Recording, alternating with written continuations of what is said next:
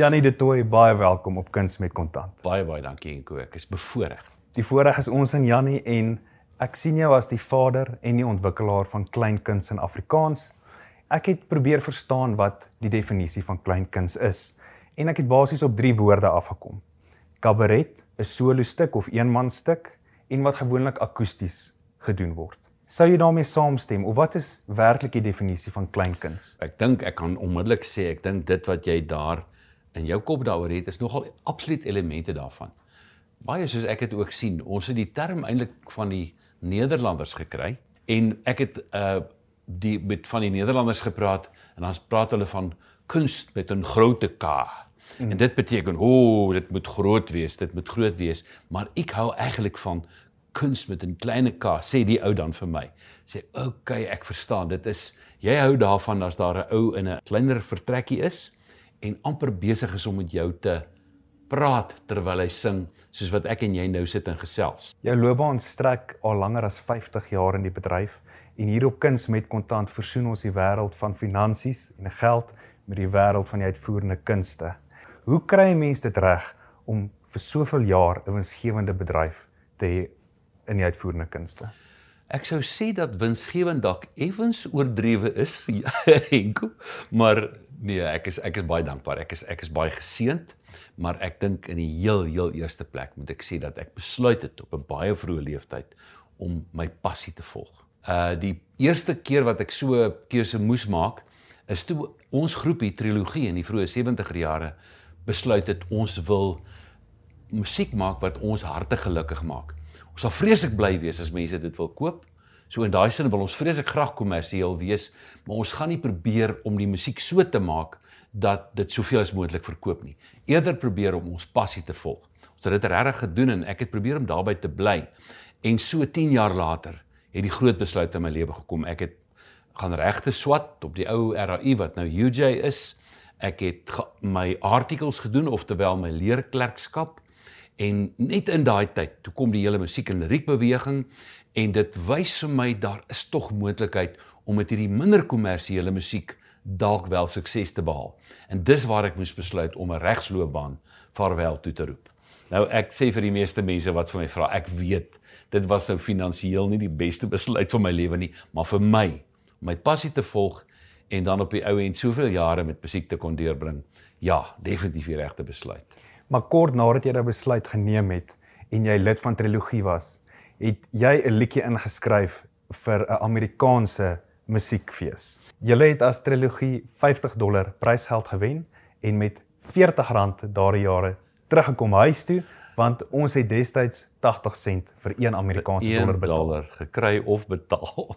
ja. Wat kon julle alles koop met 40 rand want die storie lui dat jy het Sonja Herald en Anton Goosen oorgenooi vir 'n braai by jou ja, huis. Ek kan met veiligheid sê mense kon 'n braaivleis hou vir 'n paar pelle.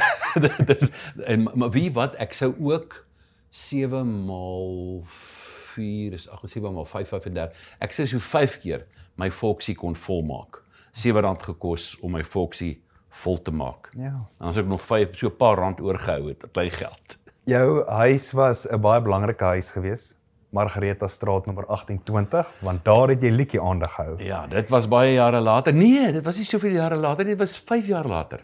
Bly toe in Pretoria en besig met my leerklerkskap daar en ek ontmoet 'n ou by die by die hof, 'n advokaat. Uh hy, het later jare groot groot werk internasionaal gedoen. En Johan Creer sê vir my, "Ag Janie, wil jy nie bietjie vir my 'n goeie woordjie doen by die platemaatskappye nie?" Want ek ek het so 'n paar liedjies wat ek geskryf het. Ek sê vir hom, "Johan, maat ek sukkel nogal bietjie dat die platemaatskappye belangstel in wat ek skryf want yeah. Ja. want ek ek hou van nie van die goeders wat so vreeslik baie moet verkoop nie wil baie verkoop maar maar ek wil liewerste dit speel wat uit my hart uitkom. Uh dit was nou onder andere 'n liedjie vir jou wat in daai tyd daarom al geskryf was. Ek sê vir Johan, weet jy wat ons moet doen? Kom na my huis toe. Dan nooi ons 'n klompie ouens, jy speel jou liedjies, ek speel my liedjies. Ons nooi vir 'n klompie ander ouens. Teen daai tyd was Koos Doop op die toneel. Hy was omtrent altyd daar. Annelie van Rooyen het gekom, Janita Klasen, uh Connie de Villiers en daar het Lukas vir Connie gehoor en Lukas het begin in Afrikaans skryf. So dit was dit was regtig. Ja, Margareta Straat was 'n besonderse tyd in ons lewens, net 2 jaar, maar ek dink dit het klomp mense 'n uh, 'n bietjie anders laat kyk na Afrikaanse musiek.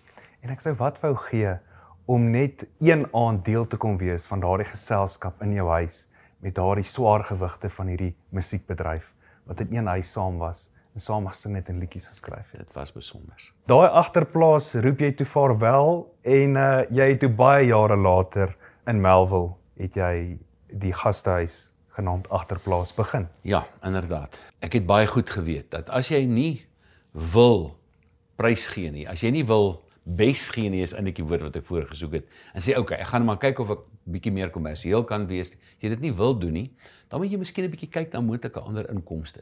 Hmm. En ek het toe uh, die gastehuis begin. Ek het 'n huis gekoop in in Melville in 1994. En toe ek daar intrek, toe weet ek, wie is so presies reg geleë. Net hier onderkant hier so bietjie met die bultjie op dan jy in Melville se 7de laan, oftewel 7de straat en uh die straatjie onder is lekker stil. Gasthuis begin en 23 jaar later kan ek vir jou sê eh, dit was is bly maar 'n vreugde in my lewe. Dit gaan nou goed met die gasthuis. Maar ek dink daai sommetjie wat ou maar altyd moet maak. Jy het die passie gekies. En my passie is vir taal en musiek. Ek het daai passie uitgeleef alhoewel dit by tye wat ek vir myself vra gevra dit toe Dis dan lekker geweest as jy nou in die law was, hè? Kyk net wat doen daai ander ouens. Kyk wat koop hulle. Ja. maar maar nee, tot vandag toe is ek baie dankbaar finansiëel oorleef. Nie aldag maklik nie en ek dink 'n ou leer maar. 'n Mens leer 'n klomp dinge oor finansies as jy dit in die praktyk doen. Wat was jou ouers se reaksie geweest toe jy vir hulle sê dankie maar nee dankie. Ek wil graag 'n liedjie skrywer en sanger word en nie 'n praktiserende prokureur nie. Ja, dis vir my van die mooiste stories in my lewe want uh my pa is in 1900 gebore en hierdie besluitjie van my het ek in 1980 geneem.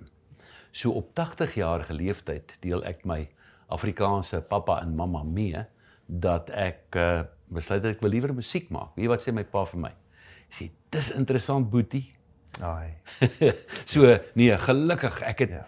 ag heeltemal anders denkende ouers gehad as baie Afrika gewone Afrikaanse mense maar het net bietjie die lewe anders gesien so. Ek weet Beatles het ook 'n groot invloed op jou ehm um, gehad en ja, dat jy baie ja. groot aanhangers van die Beatles nou, was. As 'n 60 as 'n 60s kid, jy weet 60er hmm. jare op hoërskool gewees.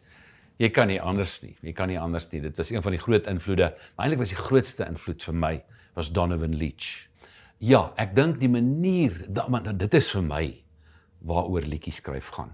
Die manier waarop daai twee goed bymekaar kom. Taal en musiek.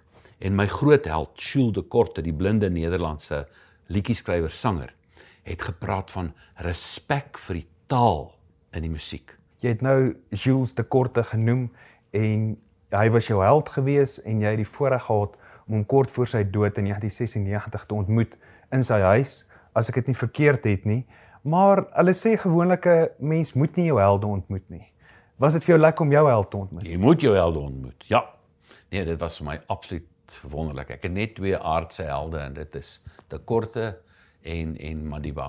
Ek is net so jammer dat ek nie vir Madiba ook kon hug mm. soos wat ek vir uh, vir my my held uh, Te Korte kon kon hug nie. Nou daar's baie ander helde in die lewe en jy het onlangs was daar 'n nuwe oplewing en herlewing van jou groot treffer 'n liedjie vir jou toe jy dit saam met Karen Zoid opgeneem het.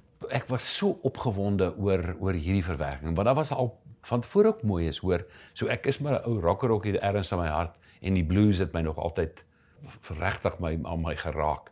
So toe sy nou dit doen om daai goeders bymekaar te bring in my liedjie, dit vir my ongelooflik baie beteken. Jy is nou 70 jaar oud en jy het toe gesê dat enige iemand wat toe jy 70 geword het, 35 en jonger is, mag inskryf vir hierdie kompetisie en jy het 50 van jou liedjies se woorde beskikbaar gestel en vir almal gesê julle kry tyd tot en met 13 Mei om hierdie liedjies te restoreer kan 'n mens maar ja. sê. Ja, dis op die webwerf www.nuwebaadjie.co.za. Nie alleen die woorde nie, die volle opname. En die jong mense het nou baie interessante goed daarmee gedoen en ek is klaar baie opgewonde, maar daar's nog 'n bietjie kans. Ek sien uit na die verdere inskrywings wat kom. Daar's 'n lekker prys, daar's drie pryse, 30000, 20000 en 10000 rand te wen. So van kontant en ja. kuns gepraat. Jy en Christa het 25 jaar lank saam getoer reg oor die wêreld, baie lande gesien. Ja. Maar die wat ek altyd oor Christa sê, behalwe nou dat dit net 'n fantastiese voorreg was om daai 25 jaar saam met haar te kon te kan werk, is dat sy vir my deure oopgemaak het. Sy is die een wat Jules de Korte vir wie se musiek daar geen bladmusiek was nie, so goed kon hoor dat toe ons in Nederland optree, die mense vir my sê maar waar kry jy de Korte se musiek in die hande? Mm. Uh want hy was blind. Hy het nooit een noot neergeskryf in sy lewe nie.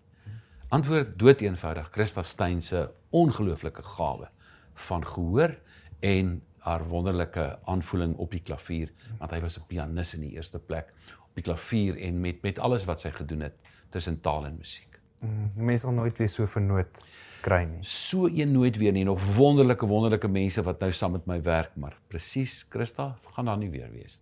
Janie, jy is so groot kampvegter vir die dubbele negatief in in liedjies in Afrikaans. In liedjies in Afrikaans. ja, ja, daar het ek 'n absolute bondgenoot gehad, beide in Christa en in Lukas gedurende daai liedjies werkswinkels van uh, wie wat het Lukas gesê? Hy het gesê musiek is soos water. Sê maar jy vat 'n pot wat so skeef is en jy gooi water in, hy maak hom tot mooi tot bo vol. Of hy kan so wees, of hy kan maar lyk soos hy wil. Die water sal die vorm aanneem. Dit maak dit makliker om die dubbele negatief in te pas. En nou het hy vir vir Koos Du Plessis gelag na Koos lank lank Koos oorlede was. Koos was sy baas by die by die koerant. Koos was 'n subredakteur en hy moes dus die taal versorg.